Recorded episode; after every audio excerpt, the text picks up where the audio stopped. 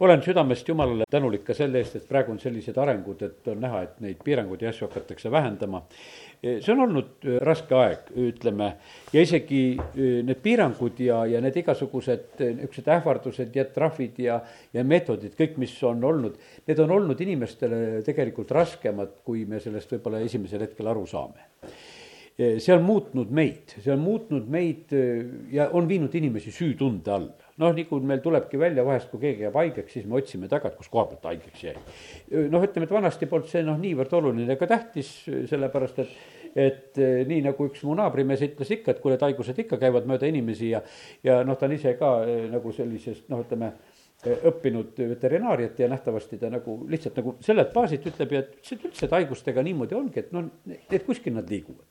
ja, ja sellepärast on see nõnda, et, et aga praegusel hetkel eh, nagu noh, õpiti nagu üks asi ära, et me peame muudkui otsima, et kus koha pealt tuli ja kuhu läks ja, ja nagu tegeled sellise asjaga. ja, ja vaata, mis see tekitab, see tekitab süütunde, see tekitab endale süütunde, et äkki ked-, kedagi tead nakatasid või, või siis vahest oled teiste peale pahane, et kuule, et ei tea, kuskohast sa said. ja sellepärast on see niisugune keerukus, millest me peame samamoodi praegusel hetkel eh, lahti saama sest et noh, mõtlen, et eh, no minule läks väga südamesse, kui noh, üks meie koguduse õde kunagi ütles sedasi, et, et niisugune väike kolmeaastane tüdruk eh, on siis positiivne ja, ja, ja siis seal teine suurem laps natukene küsib, et no vanaema, kas sa julged nüüd seda last sülle võtta?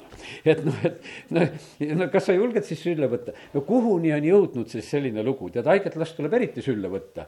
vanasti need lastelood olid ju sellised, et noh, et laps, kes on lastekodus, palus, et, et jumal, et las mul hakkab juba hammas valutama, et siis mind kasvataja tädi võtab sülle, kui mul hammas valutab. et siis ma saan vähemalt kallistust sellest osa. aga praegusel ajal me näeme sedasi, et noh, nagu niisugune, niisugune tõrjumine ja eraldamine ja, ja süütunne ja, ja sellepärast see on valmistanud tegelikult palju probleemi.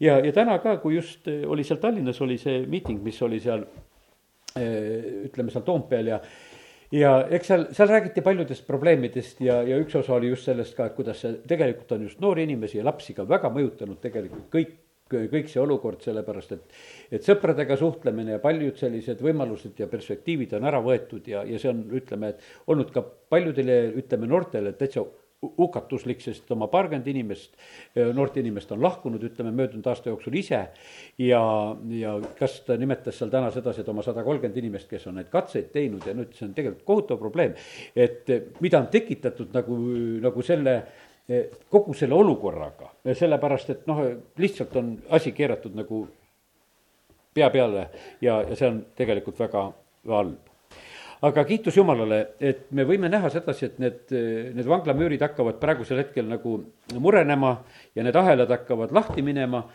ma usun kindlasti, et selles on üks osa väga tugevalt nendest palvetest, mida on jumala rahvas teinud ja kas või, kas või Olga Koolikova, kes on teinud üleskutset, et hakkas juba vana aasta seest selle palvega pihta ja siit saadik see tal ju käinud. ja, ja, ja ma usun sedasi, et need tulemused nagu tulevad, kui jumala rahvas palvetab, kui jumala rahvas kiidab, eh, siis tegelikult need ahelad peavad langema ja sellepärast me näeme sedasi, et praegu on inimestel nagu rohkem julgust eh, nagu praegusel hetkel raputada seda iket, mida inimestega kaela on pandud ja, ja kiitus Jumalale selle eest. aga minu tänane jutt teeb nüüd ühe pöörde, ma ei jää nagu selle juurde rohkem, vaid mina sain täna nagu sellise sõna, et vaata, kui see üks aeg saab mööda, siis tuleb üks huvitav aeg. kui võitlus on möödas, siis tuleb saagiaeg. ma, ma kõigepealt võtan ühed Jeesuse sõnad, eh, mis on Mattiuse evangeeliumi kahekümne esimeses peatükis ja, ja kolmekümne neljandas salmis. siin on tähendamise sõna nendest eh, Viinamäe rentikest ja see salm ütleb nõnda. kui saagiaeg lähenes, läkitas ta oma sulaseid rentike juurde oma vilja vastu võtma. ja, ja siin hiljuti meile räägiti ja õpetati sellest eh, Kairosest ja siin on just räägitud, et see saagiaeg on just see Kairos aeg, kui läheneb see aeg kus tuleb tegelikult saagiaeg. ja täna ma ei hakka rääkima sellest külvist ja lõikusest, mida me ütleme, noh, Viinamäel võime mõelda, et on need viinapuud on istutatud ja siis nad ühel hetkel kannavad vilja ja siis nad, seda vilja võetakse ja saadakse. ma ei räägi sellest, vaid ma räägin hoopis sellest teisest saagist, mis, mis tuleb nagu võitluste tagajärjel ja vaata alati, kui olid vaenlastega võitlused, siis on sellised olukorrad, kus tegelikult äh, jumal annab pärast vaenlase üle võitu, annab võimsa saagi. ja nüüd mul on mitmed kohad jumala sõnast, kõigepealt teise ajaraamatu kakskümmend, pärast seda Joosafati võitlust, mis oli samuti just ülistuse ja kiitusega kõige põhilisem asi. aga mina täna juhin tähelepanu ainult nagu nendele salmidele, kus räägitakse sellest saagist, mida pärast neid võitlusi saadi. ja kakskümmend neli salm hakkan lugema. kui siis juuda jõudis vaatluspaika kõrbes ja nad vaatasid jõugu poole, ennäe, siis lamasid laibad maas ja ükski polnud pääsenud. ja Joosafat ja tema rahvas tulid neilt saaki riisuma ja leidsid nende juurest palju varandust, riideid ja kaljud, kalleid riistu. ja nad võtsid endile rohkem, kui nad suutsid kanda. Nad olid kolm päeva saaki riisumas, sest seda oli palju. ja siis neljandal päeval koguneti sinna kiituse orgu, selle päeva järgi nimetatakse seda paika seal kiitusoruks tänapäevani, nii nagu see salm ütleb. aga juhin lihtsalt tähelepanu sellele, kui üks võitlus saab läbi siis selle järel on saagi riisumine. ja sellepärast ma täna hommikul, kui läksin issand ette, siis issand ütles, et kuule, nüüd tuleb varsti selline aeg. kui võitlus saab läbi, siis te peate olema valmis saagi kokkukorjamiseks. sellepärast, et kui vaenlane saab löödud, siis tema käest me saame saaki ja sellepärast on see niimoodi, et me peame nagu olema selleks valmis. nii nagu eh, jumal valmistas Moosese kaudu Iisraeli rahvast, kui nad hakkasid noh, ütleme Egiptusest välja tulema, siis tegelikult oli seal nagu üks selline ettevalmistus, et, et seda rahvast tuli ette valmistada selleks, et nad oleksid valmis eh, egiptlaste käest seda eh, saaki riisuma ja seda võtma. teise Moosese kolmas peatükk ja kakskümmend üks ja kakskümmend kaks salm. ja ma annan sellele rahvale armu egiptlaste silmis nõnda, et ei lähe eh, minnes mitte tühja käsi. iga naine küsigu oma naabrinaiselt ja võõrana ta kojas elavalt naiselt hõbe ja kuldriistu ning riideid. pange need oma öö, eh, poegadele ja tütartele selga ja, ja võtke nõnda egiptlastelt saaki. Eh, kohe loen ka veel üheteistkümnenda peatüki teise ja, ja kolmanda salmi räägi nüüd rahva kuuldes, et iga mees küsiks oma naabrilt ja iga naine oma naabri naiselt hõbe ja kuldriistu. ja issand andis rahvale armu egiptlaste silmis.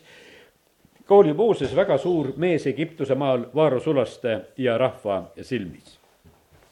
ja nüüd, kuidas see asi korda läks, seda ütleb meile kaheteistkümnes peatükk ja, ja salmid kolmkümmend viis ja kolmkümmend kuus. ja Iisraeli lapsed olid teinud Moosese sõna järgi ning olid palunud egiptlastelt hõbe ja kuldriistu ning riideid. issand oli rahvale armu andnud egiptlaste silmis, nõnda nad nõustusid ja nii nad siis riisusid egiptlasi. jumal on ise korraldamas nende võitluste ja, ja ka selliste perioodide muutuste järel on korraldanud eh, just sellist saagi saamist ja, ja sellepärast oleme täna ka usus, et hoiame silmad lahti, et kus jumal tahab seda saaki anda, et me oskaksime seda saaki vastu võtta, et me oleksime selle jaoks valmis me vahest noh, ütleme, et oleme tagasihoidlikud, et eh, kui me ei ole nagu harjunud jumala õnnistusi vastu võtma või eh, ma ütlen, et usurahvas tegelikult õpib selle asja ära. Ja, ja vahest mõnda inimest pidi nagu õpi-, õpetama selles, et kui sa tahad teda õnnistada, talle midagi anda, siis oh, oh, mis sa mulle, mis sa mulle tead, eks. tead, selle juures tuleb ütelda aitäh, tead, kui keegi sind õnnistada tahab, võta vastu ja, ja, ja ole tänulik, ole tänulik inimesele ja ole tänulik Jumalale. sest et Jumala moodus on tegelikult selline, et tema tahab, et tema rahvas oskaks paluda ja milleks me palume? me palume selleks, et, et saada. esimese Samueli seitsmeteistkümnes peatükk ja, ja see koht on selline, kus on äh, räägitud äh, sellest võidust, mida tõi äh, Taavet siis koljati üle ja lihtsalt ma toon praegusel hetkel neid näiteid järjest nagu sellepärast, et me mõistaksime, et igasuguste võitude järel ja võitluste järel on saagi võtmise aeg. ja see on siis seitseteist viiskümmend kolm, kus on öeldud. siis lõpetasid Iisraeli lapsed vilistide tagaajamise ja pöördusid tagasi ja riisusid nende leeri paljaks.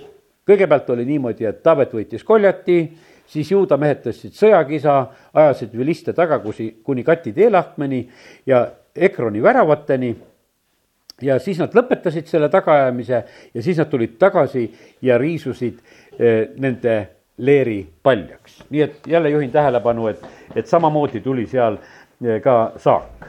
Eh, teen kohe lahti teise kuningate raamatu seitsmenda peatüki ja, ja see on pärast seda, kui need pidalitõbised olid tunginud siis sinna süürlaste leeri, siis kõigepealt on pidalitõbised, kes on ise sealt saaki võtmas.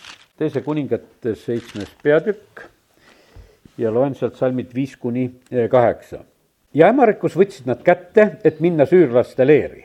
aga kui nad jõudsid süürlaste leeri serva, vaata siis ei olnud seal ühtegi meest sest issand oli süürlaste sõjaväge lasknud kuulda vankrite mürinat, hobuste hirnumist ja suure sõjaväe hulga kära nõnda, et nad ütlesid üksteisele, vaata, Iisraeli kuningas on palganud meie vastu hettide kuningaid ja egiptlaste kuningad, et nad tuleksid meile kallale. seepärast olid nad tõusnud ämarikus ja põgenenud ning jätnud maha oma telgid, hobused ja eeslid ja leeri, sellisena, nagu see oli ja olid põgenenud, et päästa oma hinge ja kui nüüd need pidalitõbised jõudsid leeri serva, siis nad läksid ühte telki, sõid ja jõid ja kandsid sealt ära hõbedat kulda, riideid ja läksid ja matsid need maha. siis nad tulid tagasi ja läksid teise telki, kandsid ka sealt ja läksid ja matsid maha. Aga siis ütlesid nad üksteisele, me ei talita õigesti, sest see päev on hea sõnumipäev, kui me vaikime ja ootame, kuni hommik hoidab, jääme süüdlasteks. sellepärast tulge ja mingem ja kuulutagem seda kuninga kojas ja nüüd, kui see Samaarias oli see asi teatavaks tehtud, siis ma juhin lihtsalt tähelepanu, et eh, väikeste kahtluste ja kontrollide järel eh, siis ka Samaariast tuleb rahvas välja ja nad lähevad samamoodi eh, saaki riisuma ja seal salmidest viisteist ja kuusteist on seda öeldud. Ja nad läksid neile järele kuni Jordanini ja vaata, kogu tee oli täis riideid ja riistu, mis süürlased olid rutates maha visanud. ja käskelad tulid tagasi ning teatasid kuningale. siis rahvas läks välja ja riisus süürlaste leeri. ja seetõttu maksis pool külimitu peent jahu ühe seekli ja külimitu otri ühe seekli issanda sõna kohaselt praegu me näeme sedasi, et noh, me, me oleme sattunud nagu sellisesse olukorda, kus me oleme sattunud samamoodi nagu hinnatõusu.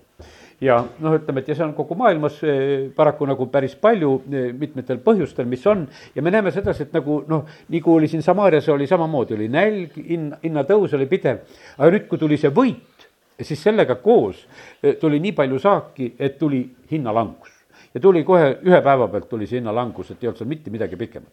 ja sellepärast on, kallid, me usume jumala sõnasse, nii nagu sõnas on räägitud, kui tuleb võit, siis me võime sellega koos uskuda samamoodi, et tuleb, tulevad hoopis hinnalangused, sest et kui jumal toob võidu, siis ta, siis ta toob need ikkagi täiesti kapitaalselt.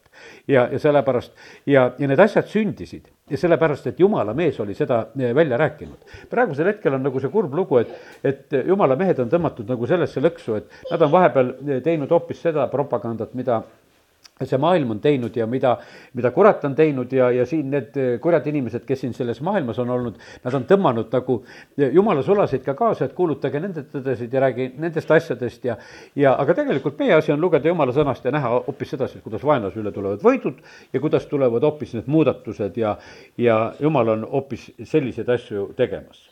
ja ja nii me leiame, ütleme piiblist need, palju neid näiteid, oli seal, ütleme, kui Abraham läks seal, ütleme seal Sootoma ja Gomorra nende kuningate pärast läks sõtta, ta tõi kõik tagasi. Eh, kui Taavet seal ütleme Siklaagis oli ja, ja oli seal Siklaag oli ära röövitud ja tema leer oli puhtaks tehtud, ta läks ja tõi kõik tagasi ja me näeme sedasi, et, et vahest on niimoodi, et nagu saadakse lihtsalt nagu kõik tagasi, mis on võetud. ja, ja, ja see ja teisel korral on niimoodi, et hoopis saadakse veel väga-väga palju hoopis lisa, mida nad siis ka sellisel puhul, puhul said. Ja on selliseid lahinguid Eh, kus, eh, kus jumal nagu ei luba võtta. Eh, seal oli, ütleme, et Jeeriku koha pealt olid omad kindlad reeglid, et inimesed endale ei tohtinud võtta ja, ja ma ei hakka praegu nagu süvenema kõigisse nendesse me peame lihtsalt olema kuulekad, kust tohib võtta, sealt tuleb võtta, kus võtta ei tohi, siis sealt võtta ei tule. ütleme, et ma täna nagu lugesin ja mõtlesin korraks Esteri raamatu peale, et, et seal oli samamoodi oli selline suur võit ju tegelikult Mordokai poolt, et, et kui ta sai lõpuks need seadused muudetud ja, ja see juutide hävitamise plaan oli läbi kukkunud siis nad said selle õiguse, et nad võisid tegelikult eh, rünnata eh, ja ma teen korraks ikkagi Esteri raamatu lahti, kui siin juba läksin, et nad võisid rünnata siis neid juutide vaenlasi, sest et no vaenlased olid kurja plaaninud, aga jumal pööras selle asja ära ja andis hoopis positsiooni nende kätte. ja ma olen siin märkinud mõned sellised salmid. Esteri raamatu kaheksanda peatüki esimene ja teine salm sel samal päeval andis kuningas Ahasveerus kuninganna Estrile juutide vaenlase Haamani koja ja Mordokai võis tulla kuninga ette, sest Ester oli teatanud, kes, kes ta temale oli. ja kuningas tõmbas oma pitse sõrmuse, mille ta Haamanilt oli ära võtnud ja andis selle Mordokaile ja Ester pani Mordokai Haamani koja üle. no lihtsalt toimus kohe selline ka täiesti konkreetsete positsioonide vahetumine, siis muudetakse seadused. Kaheksa üksteist on räägitud sellest, kirjas lubas kuningas juutidel igas linnas kokku tulla ja oma elu kaitsta, hävitades, tappes ja hukates iga rahva ja kõik maa relvastatud jõud, kes neile kallale kipuvad, ka lapsed ja naised ja riisudes nende vara. Üheksas peatükk räägibki sellest, et kuidas juudid hakkavad selle kättemaksuga tegelema ja nad teevadki seda, aga üheksa kuusteist ma juhin lihtsalt tähelepanu, et sellel korral on see niimoodi, see kuusteist salm lõpeb sellega, aga nende vara külge nad ei pistnud oma kätt. miskipärast olid nad nagu takistatud, et seda nad võtta ei tahtnud, nad ei puudutanud seda oma vaenlasena, et hävitasid, aga nende vara nad ei võtnud, lihtsalt siin Esteri raamat meile toob selle nagu sellisel moel meie silmade ette ja alati on niimoodi, et pärast neid, kuidas ütelda, neid eh, lahinguid, mis võivad olla erinevad, ütleme, Hiopi elus oli võib-olla see selline eh, hoopis jälle nagu teistmoodi eh, lugu, Hiopi elus oli, no ütleme, et tal oli justkui nagu lihtsalt mingid õnnetused ja, ja, ja kus ta oli kaotamas, ütleme, Hiopi raamat küll avab meile selle, et et see ei olnud mitte juhuslik, vaid et see oli vaenlase plaan Hiopile kahju teha ja ta tegi ta varandusele kahju, ta perele kahju ja tegi ta tervisele kahju. aga ma ei jää nagu selle juurde, vaid ma tahan lihtsalt näidata sedasi, et eh, kuidas nagu pärast, eh, kui need olukorrad saavad ära pööratud. olukorda tuli pööre siis, eh, kui Hiop võttis vastu kõik need jumala sõnad, mida ta jumala käest kuulis. ja, ja ütles, et kuule, nüüd ma panen oma suu kinni ja, ja ma võtan tagasi kõik need oma sõnad, mis ma olen mõistmatult rääkinud ja täiesti aktsepteeris seda, mida eh, issand rääkis talle. ja, ja siis oli järgmine hetk, oli tal veel vaja teha eh, ka asjad korda oma sõpradega. Ja sõbrad pidid tulema ja paluma, et Hiop nende pärast eh, palvetaks, siis pärast seda lihtsalt on lugeda, et jumal pöörab Hiopi saatuse, see on nelikümmend kaks peatükki kümnes salm, sealt lõpust lihtsalt võtan ja issand pööras Hiopi saatuse, kui ta palvetas oma sõprade eest ja issand andis Hiopile kahekordselt kõike, mis tal oli olnud. noh, saagiaeg jälle. vahepeal oli kõik läinud ja siis tuleb saagiaeg. ja, ja tema juurde tulid kõik ta vennad ja kõik ta õed ja kõik, kes teda ennem olid tundnud ja võtsid leiba koos temaga ta kojas ja nad avaldasid temale kaastunnet ja trööstisid teda selle õnnetuse pärast, mis issand temal oli lasknud tulla ja igaüks andis temale ühe kaaluühiku raha ja ühe kuldrõnga. ja issand õnnistas Hiopi viimast põlve enam kui ta esimest ja tal oli neliteist tuhat lammast ja kitse, kuus tuhat kaamelit, tuhat paari ärgi ja tuhat emaeeslit. no neid kõiki oli tegelikult topelt, kui nüüd raamatu algusest vaadata. ja tal oli seitse poega ja kolm tütart ja siin on räägitud, kuidas ta need, nendele nimed paneb ja kui ilusad nad kõik olid ja kuusteist salm ütleb, et pärast seda elas Hiop veel sada nelikümmend aastat, nägi oma lapsi ja lastelapsi neli põlve. ja Hiop suri olles vana ja elatunud. ja, ja sellepärast on no nii tore nagu lugeda ja näha sedasi, et, et vaata, kui on need niisugused võitluste olukorrad, siis selle järel tulevad, tegelikult tulevad need, need saagiajad. ja, ja vaata, need saagiajad on sellised, et kui jumal hakkab õnnistama, siis ta ikka õnnistab küll. ja, ja sellepärast ja need jumala õnnistused ma lihtsalt võib-olla eh, ütlen mõne koha, kas me kõike hakkame lugema, aga ikkagi peab selle koha lugema ka. ja see on eh, kolmanda Moosese kahekümne viies peatükk. ja olgu see meile nagu kinnituseks, et jumal on võimeline saaki andma, ta annab seda vaenlaste käest, aga ta annab seda ka eh, vahest niimoodi, et ta lihtsalt õnnistab. ta lihtsalt õnnistab meie põldusid. ja ütleme, et see juubeliaasta seadus millest ma nüüd praegu loen. see on kolmas Mooses kakskümmend viis ja ma loen salmid seitseteist kuni kakskümmend kaks. olgu see meile kinnituseks, et kuidas jumala reeglid toimivad ja, ja need on praegu ka kehtimas. ükski ärgu tüssaku oma ligemist, vaid kartku oma jumalat, sest mina is-, olen issand, teie jumal. nii et igaühega peab ausalt käituma, kes on meie ligemised, me ei tohi petta neid. aga tehke minu määruste järgi ning pidage mu seadusi ja täitke neid et te võiksite maal julgesti elada. ja siin ei küsi jumal üldse sedasi, et kuule, et otsige endale palju relvi ja värki, et te võiksite julgesti elada, ta ütleb, et tehke minu määruste järgi ja pidage neid, täitke neid ja siis te võite maa peal julgesti elada. ja nüüd kõige tähtsam, mida ta täna tahan ütelda, maa annab siis teile vilja ja te sööte küllastuseni ning te elate seal julgesti. ja kui te küsite, mida me sööme seitsmendal aastal, vaata, me ei tohi külvata ega koristada oma saaki, siis ma saadan teile kuuendal aastal oma õnnistuse, et see annaks saaki kolmeks aastaks. ja kui te külvate kaheksandal aastal, siis on teil veel süüa tunamullusest saagist kuni üheksanda aastani, seni kui jõuab selle saak, on teil süüa vana. võimas õnnistus, jumal ütleb, et kui ma tahan, ma õnnistan teid lihtsalt kolmekordselt ette et teil on kolmeks aastaks on oletu, et annan teile kolme aasta saagi, aga teate, kallid, jumal teeb seda meie usu peale sellepärast, et ma ei usu seda, et üldse, et on olnud ajaloos väga palju, kus, eh, kus seda juubeliaastal sellist asja väga hästi ongi nagu praktiseeritud. me näeme, et läbi piibli, et juutidel oli tegemist oma paasapühade ja värkidega ja jumalast taganemiste ja asjadega. aga vaata, jumal alati teab sedasi, et kui keegi on usus seda asja ette võtmas, siis ta saadab selle õnnistuse. Mi-, mitte, et me ei võta seda juubeliaastat eh, sellepärast ette, et, et meil ennem tuli see eh, kolme aasta saak, vaid siin on niimoodi, et jumal teab meie südant juba ette sedasi, kas me oleme valmis sellist ususammu tegema, et, et ta meid õnnistab ja sellepärast on see niimoodi, et meil, me ei pea neid asju nagu panema valesse järjekorda. kui me teeme selle otsuse, et me tahame näha neid juubeliõnnistusi, siis me peame selle otsuse tegema tühja koha pealt, võiks ütelda. ja siis me saame näha sedasi, et tuleb see õnnistus ja siis me peame selles olema kustavad ja seda pidama. ja vaata, ka jumal on selline, kes teab juba ette, et kuidas meiega läheb ja eks see selline ettelugu oli juba tegelikult ju teada ka, kui Iisrael väljub Egiptusest. Nad oleksid võinud minna lühikese perioodiga, aga jumal teadis seda ette, et nad lähevad niimoodi, et nad lähevad nelikümmend aastat ta teadis ette, noh, see oli kindlasti ka oli ka see oma koha pealt oli see väga lihtsalt vajalik, sest see rahvas ei olnud eh, valmis minema sellele maale. ja se-, sellepärast, et nende südamed ei olnud valmis, sest see oli nii Egiptus täis.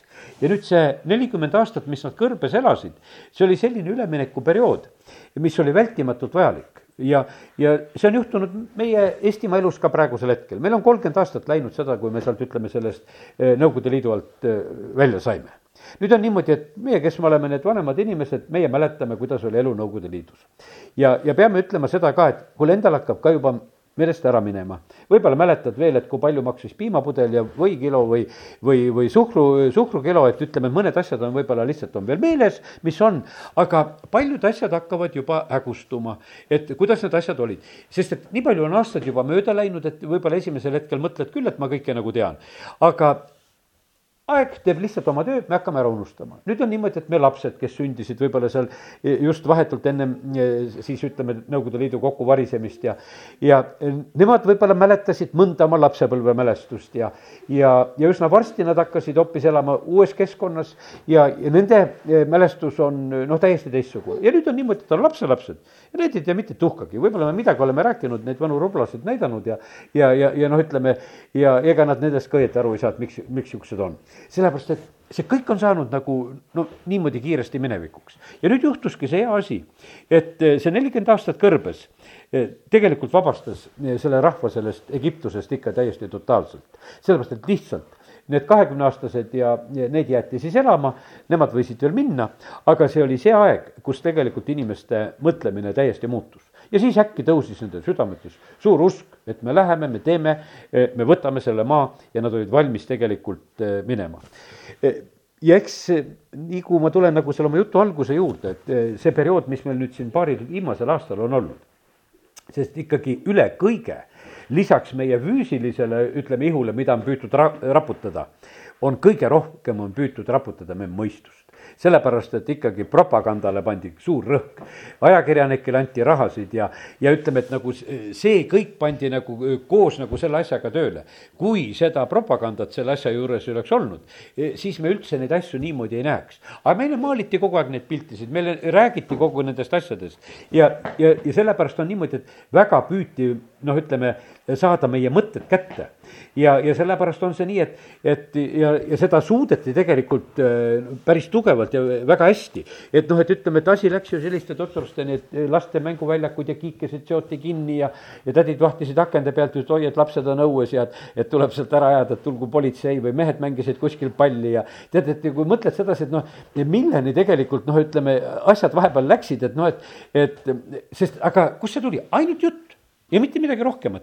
ja, ja no muidugi viirust suudeti ka anda ja, ja osad inimesed olid haiged ja, ja ma usun sedasi, et ja palju rohkem suri neid inimesi hirmu kätte ära, eh, sellepärast et neid oli totaalselt oli hirmutatud.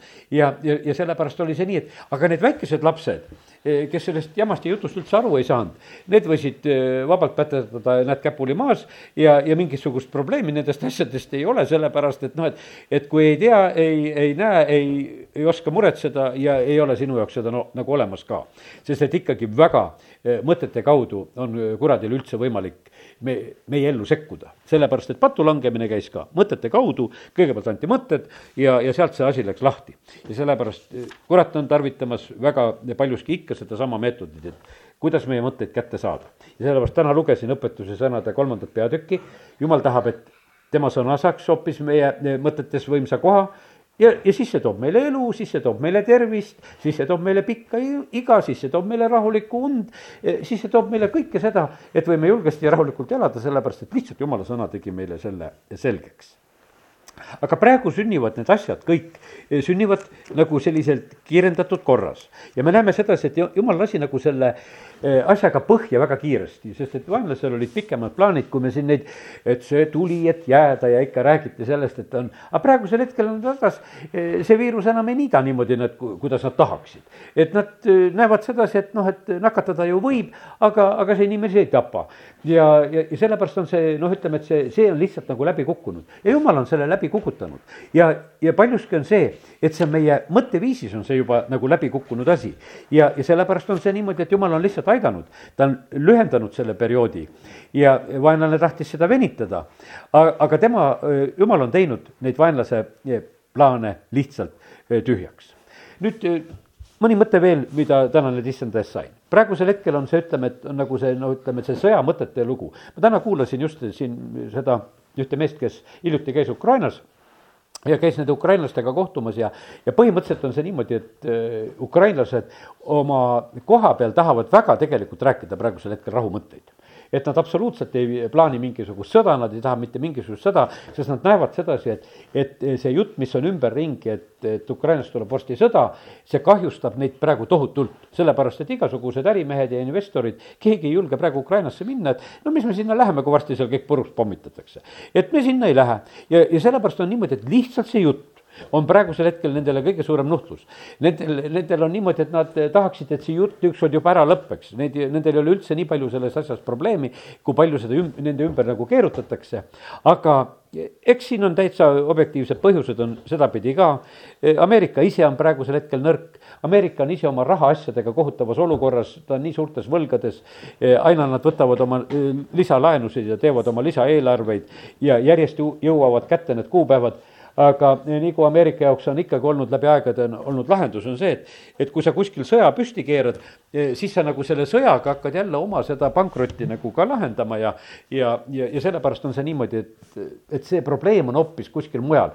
Eh, ei ole Venemaal vaja seda sõda, ei ole vaja Ukrainal seda sõda, eh, vaid et me näeme sedasi, et seda sõda on kuskil hoopis Ameerikas vaja ja nemad on sellest rääkimas ja neid mõtteid nagu taga kütmas ja, ja, ja sellepärast need sõjad tulevad, need tulevad vahest sellisest noh, ütleme nurka surutud olukorrast, kus inimesel enam nagu noh, ütleme võimalust ei ole, eks kiskja ründab ka siis, et ega kui kiskja tunneb sedasi metsas, et ta on nurka surutud, siis ta on sul ohtlik, siis ta ründab, sest ta tunneb sedasi, et ma olen väljapääsmatus olukorras, minu lahendus on see, et eh, ma tulen sulle kallale. ükskord üks kass, eh, kes tuli majja sisse, ta hüppas mu näo kõrgusele kass tavaliselt nii kõrgele ei hüppa, aga no, no ta jäi niimoodi noh, esikus mulle nagu selliselt ette, et tal nagu väljapääsu ei olnud. ja tead, eh, noh, ta tegi sellise hüppe, et ta hüppab minu kõrgusele ülesse maast ma ütlesin, on aga kass tead, et vaata, kus tema lendab.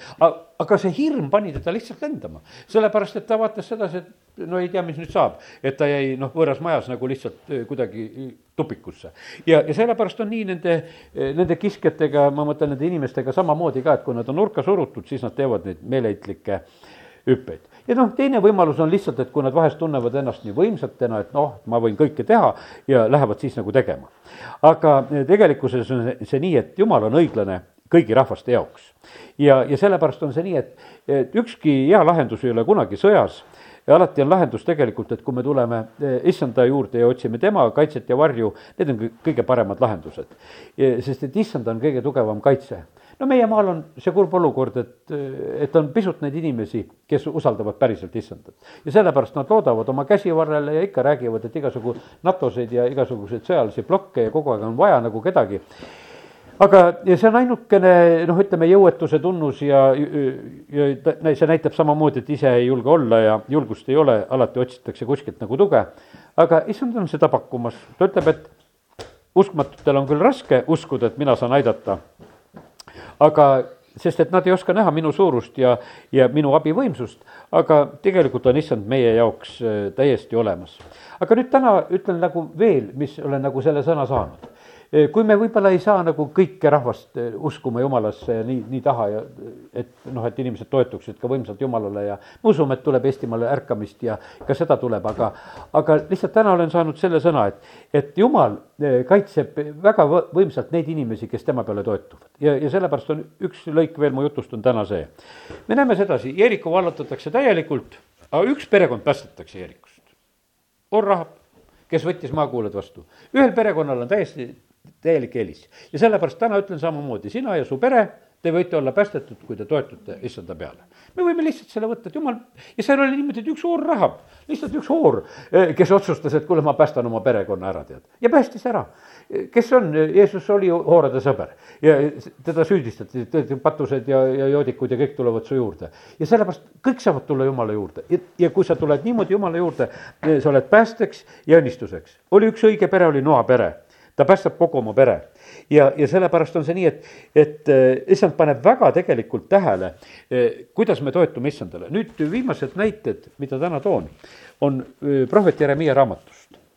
kolmekümne seitsmes peatükk, lihtsalt nimetan seda, et seal on nii, et Jeremiia vangistatakse. kolmekümne kaheksas peatükk räägib just nendest olukordadest, sest et Jeremiat väga süüdistati, et tema kuulutused on halvad, et see teeb rahva ja sõjamehed teeb kuidagi araks.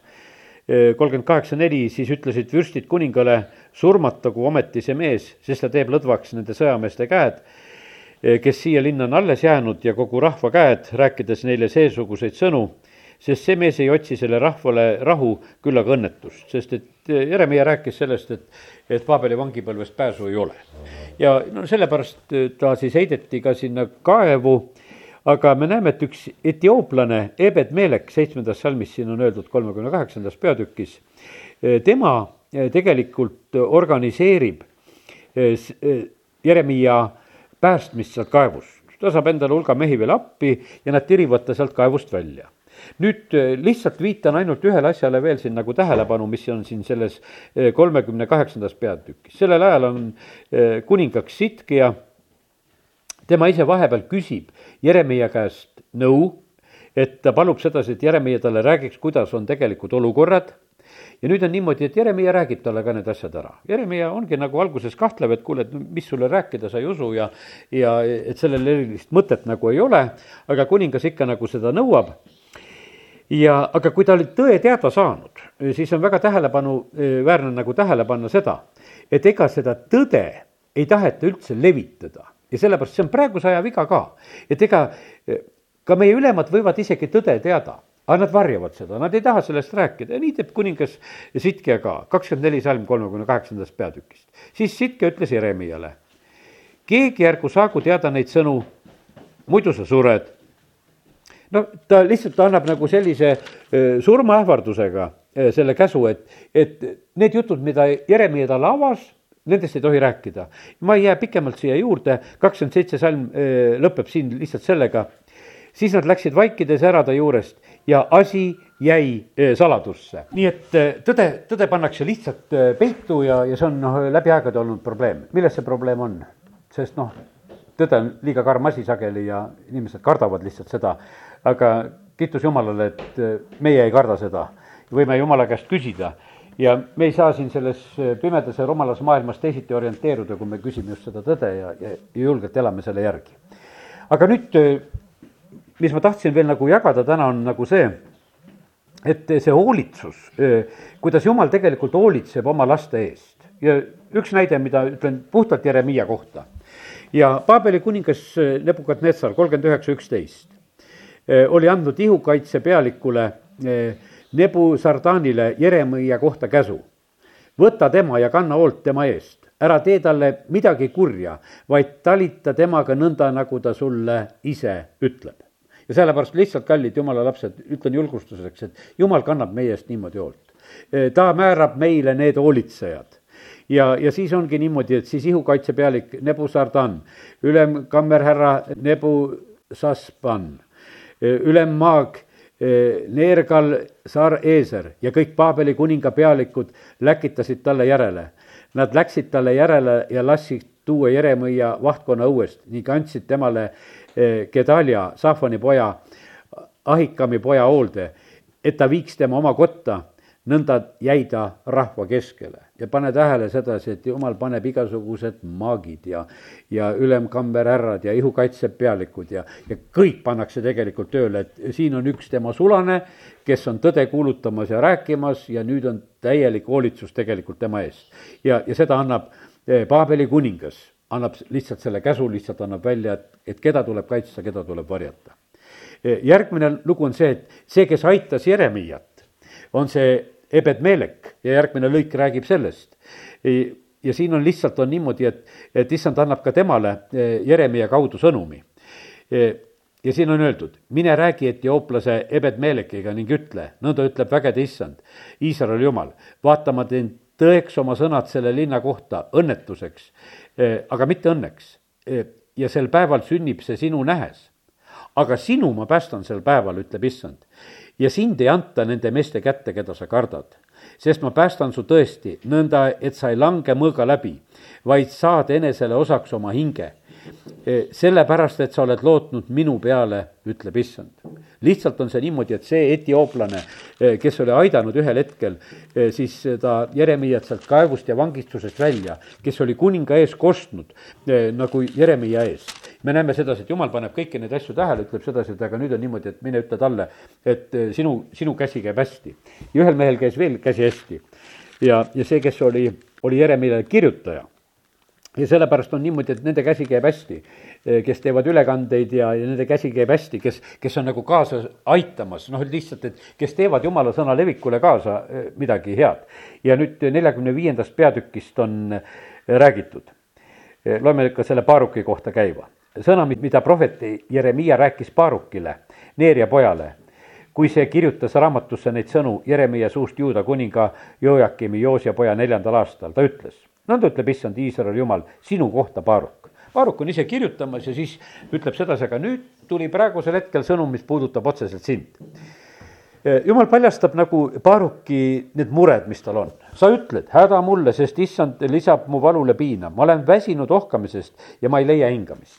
siis ütle temale nõnda, nõnda ütleb issand, vaata, mis ma olen ehitanud, selle ma kisun maha mis ma olen istutanud, selle ma kitkun välja ja nimelt kogu maa. ja sina nõuad enesele suuri asju, ära nõua, sest vaata, ma toon õnnetuse kõigile, ütleb issand. ometi ma jätan su, sulle osaks elu. Kõigis paigus, kus sa lähed. ütles, et jah, see maa läheb õnnetusest läbi, sa oled pidanud kirjutama kõik, mida Jeremiah on kirjutanud Paabeli vangipõlve minekust ja sa saad seda näha, see kõik läheb tõeks. Aga sulle ma ütlen sedasi, ükstapuha, kus sa oled, ma kingin sulle e, elu ja, ja need on nii võimsad nagu jumala sõna tõotused, mida me tegelikult võime näha. ja, ja siis täna veel issand ees olles niimoodi ma näen nagu seda lugu. et äh, ma mõtlesin sedasi, et jumal, et kuidas on meie lastega ja me lapsed, ütleme, et kes on juba täiskasvanud ja nad mõistavad üsna palju ja saavad asjadest aru äh, ja on näinud tegelikult jumala tegusid ja on uskumas ja usaldamas. järgmine äh, tiir on meie lapselapsed Nad lihtsalt on, osad on ikkagi niivõrd noored, et nad paljuski veel kõike ei mõista. ja sellepärast issand ütles, et, et ma annan nende elus need õppetunnid kus nad õpivad tegelikult ka mind usaldama isiklikult, et, et see tuleb, kus nad see, hakkavad ise toetuma minule, kus nad saavad asjast aru. praegusel hetkel nad on lihtsalt niimoodi lõbusalt me keskel, noh, käivad, jooksevad, mängivad ja see on täiesti normaalne. aga ühel hetkel on see niimoodi, et eh, kus nad ise oskavad tegelikult nagu sellest eh, hakata kinni. ja, ja sellepärast lihtsalt issand julgustas selle koha pealt eh, Nendel võib olla nagu sellist soovi, et nad püüavad ka toetuda praegusel hetkel sellele maailmale ja sellele kõigile nendele viisidele, eh, kuidas siin selles maailmas elatakse aga selle maailma koha pealt, eh, nagu Peetrus oma kirjas ütleb sedasi, et eh, teise Peetruse kolmas peatükk ja üheteistkümnes salm, kus on, on öeldud nõnda. kui see nüüd kõik nõnda laguneb, missugused teie peate olema pühas eluviisis ja jumala kartuses? ja no ütleme, see kümnes salm eespool räägib sellega, et et issand tuleb nagu varas, siis hukkuvad taevad raginal, algained lagunevad lõõmates ja maad ning tema tegusid ei leita enam. aga täna ma sain nagu selle üheteistkümnenda salmi koha pealt hoopis nagu sellise pildi, et, et see laustumine on praegusel hetkel on ääretult noh, niisugune moraalselt väga tugev ka siin selles maailmas. et mitte ei ole sedasi, et nüüd molekulid praegusel hetkel laiali lendavad, mitte nagu niivõrd see teema, aga need mõtteviisid, eluviisid, kõik, mis asjad praegusel hetkel on nagu väga laostumas. ja, ja me näeme seda laostumist praegusel hetkel selle tõttu ka, et, et inimesed näevad sedasi, et vaata, kui jumala õnnistust ei ole siin loodus et nüüd ütleme, Kai raamatus räägiti, et hakkad jumalat teenima, tuleb kohe õnnistus või, või oli see juubeliaasta koha pealt rääkisime, et jumal võib kolmeks aastaks õnnistada, et lihtsalt hoobilt viskab oma õnnistused välja, need on olemas. aga nüüd ütleme, see päästmata maailm, nad tõesti näevad sedasi, et kõik laostub. Nemad elavad oma lagunenud moraalset elu, kõik abielud ja kõik asjad ja mehed ja naised ja kõik asjad ja mõtteviisid pööratakse nii pea peale. aga see lõhub tegelikult praegusel hetkel elu meie ümber. loodus on lihtsalt seatud sellise asja alla, et, et see töötab automaatselt. kui rahvas teeb pattu, siis see loodus tegelikult näitab meile koha kätte. ütleb, et ma lihtsalt ei anna teile ja te jätage edasi. ja sellepärast see suur rohepööre mis on praegusel hetkel. see on nende uskmatute inimeste selline meeleheitlik püüe praegusel hetkel võtta sealt, kus nagu võtta ei ole. Nad mõtlevad sedasi, et meie hakkame siin praegusel hetkel tegema. et me praegusel hetkel paneme selle looduse enda järgi käima ja, ja meie nüüd siin säästame ja päästame ja, ja loodavad nagu selle asjaga nagu kuidagi toime tulla ja, ja kõike nagu koos hoida. Aga issand ütleb, nagu Agai raamatus ütleb, et aga kui mina puhun laiali, siis ma lihtsalt puhun laiali. ja sellepärast on see niimoodi, et ei, see rohepööre pöördega absoluutselt ei päästa. patust pöördumine päästab. sellepärast, et see eksimine ja see vale suund, eh, mis siin selles maailmas on nii tugevalt praegu olemas, eh, see põhjustab neid hädasid. kui inimesed pöörduvad jumala poole, tulevad kohe tegelikult eh, õnnistuse tasemele ja, ja sellepärast kiitus Jumalale, näete, et oleme täna võinud saada lihtsalt kinnitatud siin Jumala sõna juures, et et jumal on igati ühte tähele panemas, kui me elame jumala kartlikult ja, ja küll on tore nagu mõelda selle peale, et meil on olnud tänasel õhtul jälle igatsus. Lihtsalt kokku tulla, tulin ise ka sihukese igatsusega, ma ütlesin, jumal ei taha, et ära jääb. et no lihtsalt tahan tulla sedasi, et see on suuremaks õnnistuseks, kui me oskame lihtsalt arvata ja sellepärast olge teiega väga õnnistatud ja, ja, ja, ja ma usun sedasi, et me saame näha sedasi, kuidas jumal meid aitab, kuidas ta tervendab, kuidas ta hoiab, kuidas ta hoolitseb ja, ja paneme täna ka kõik mured maha ja toetume oma issandale, aamen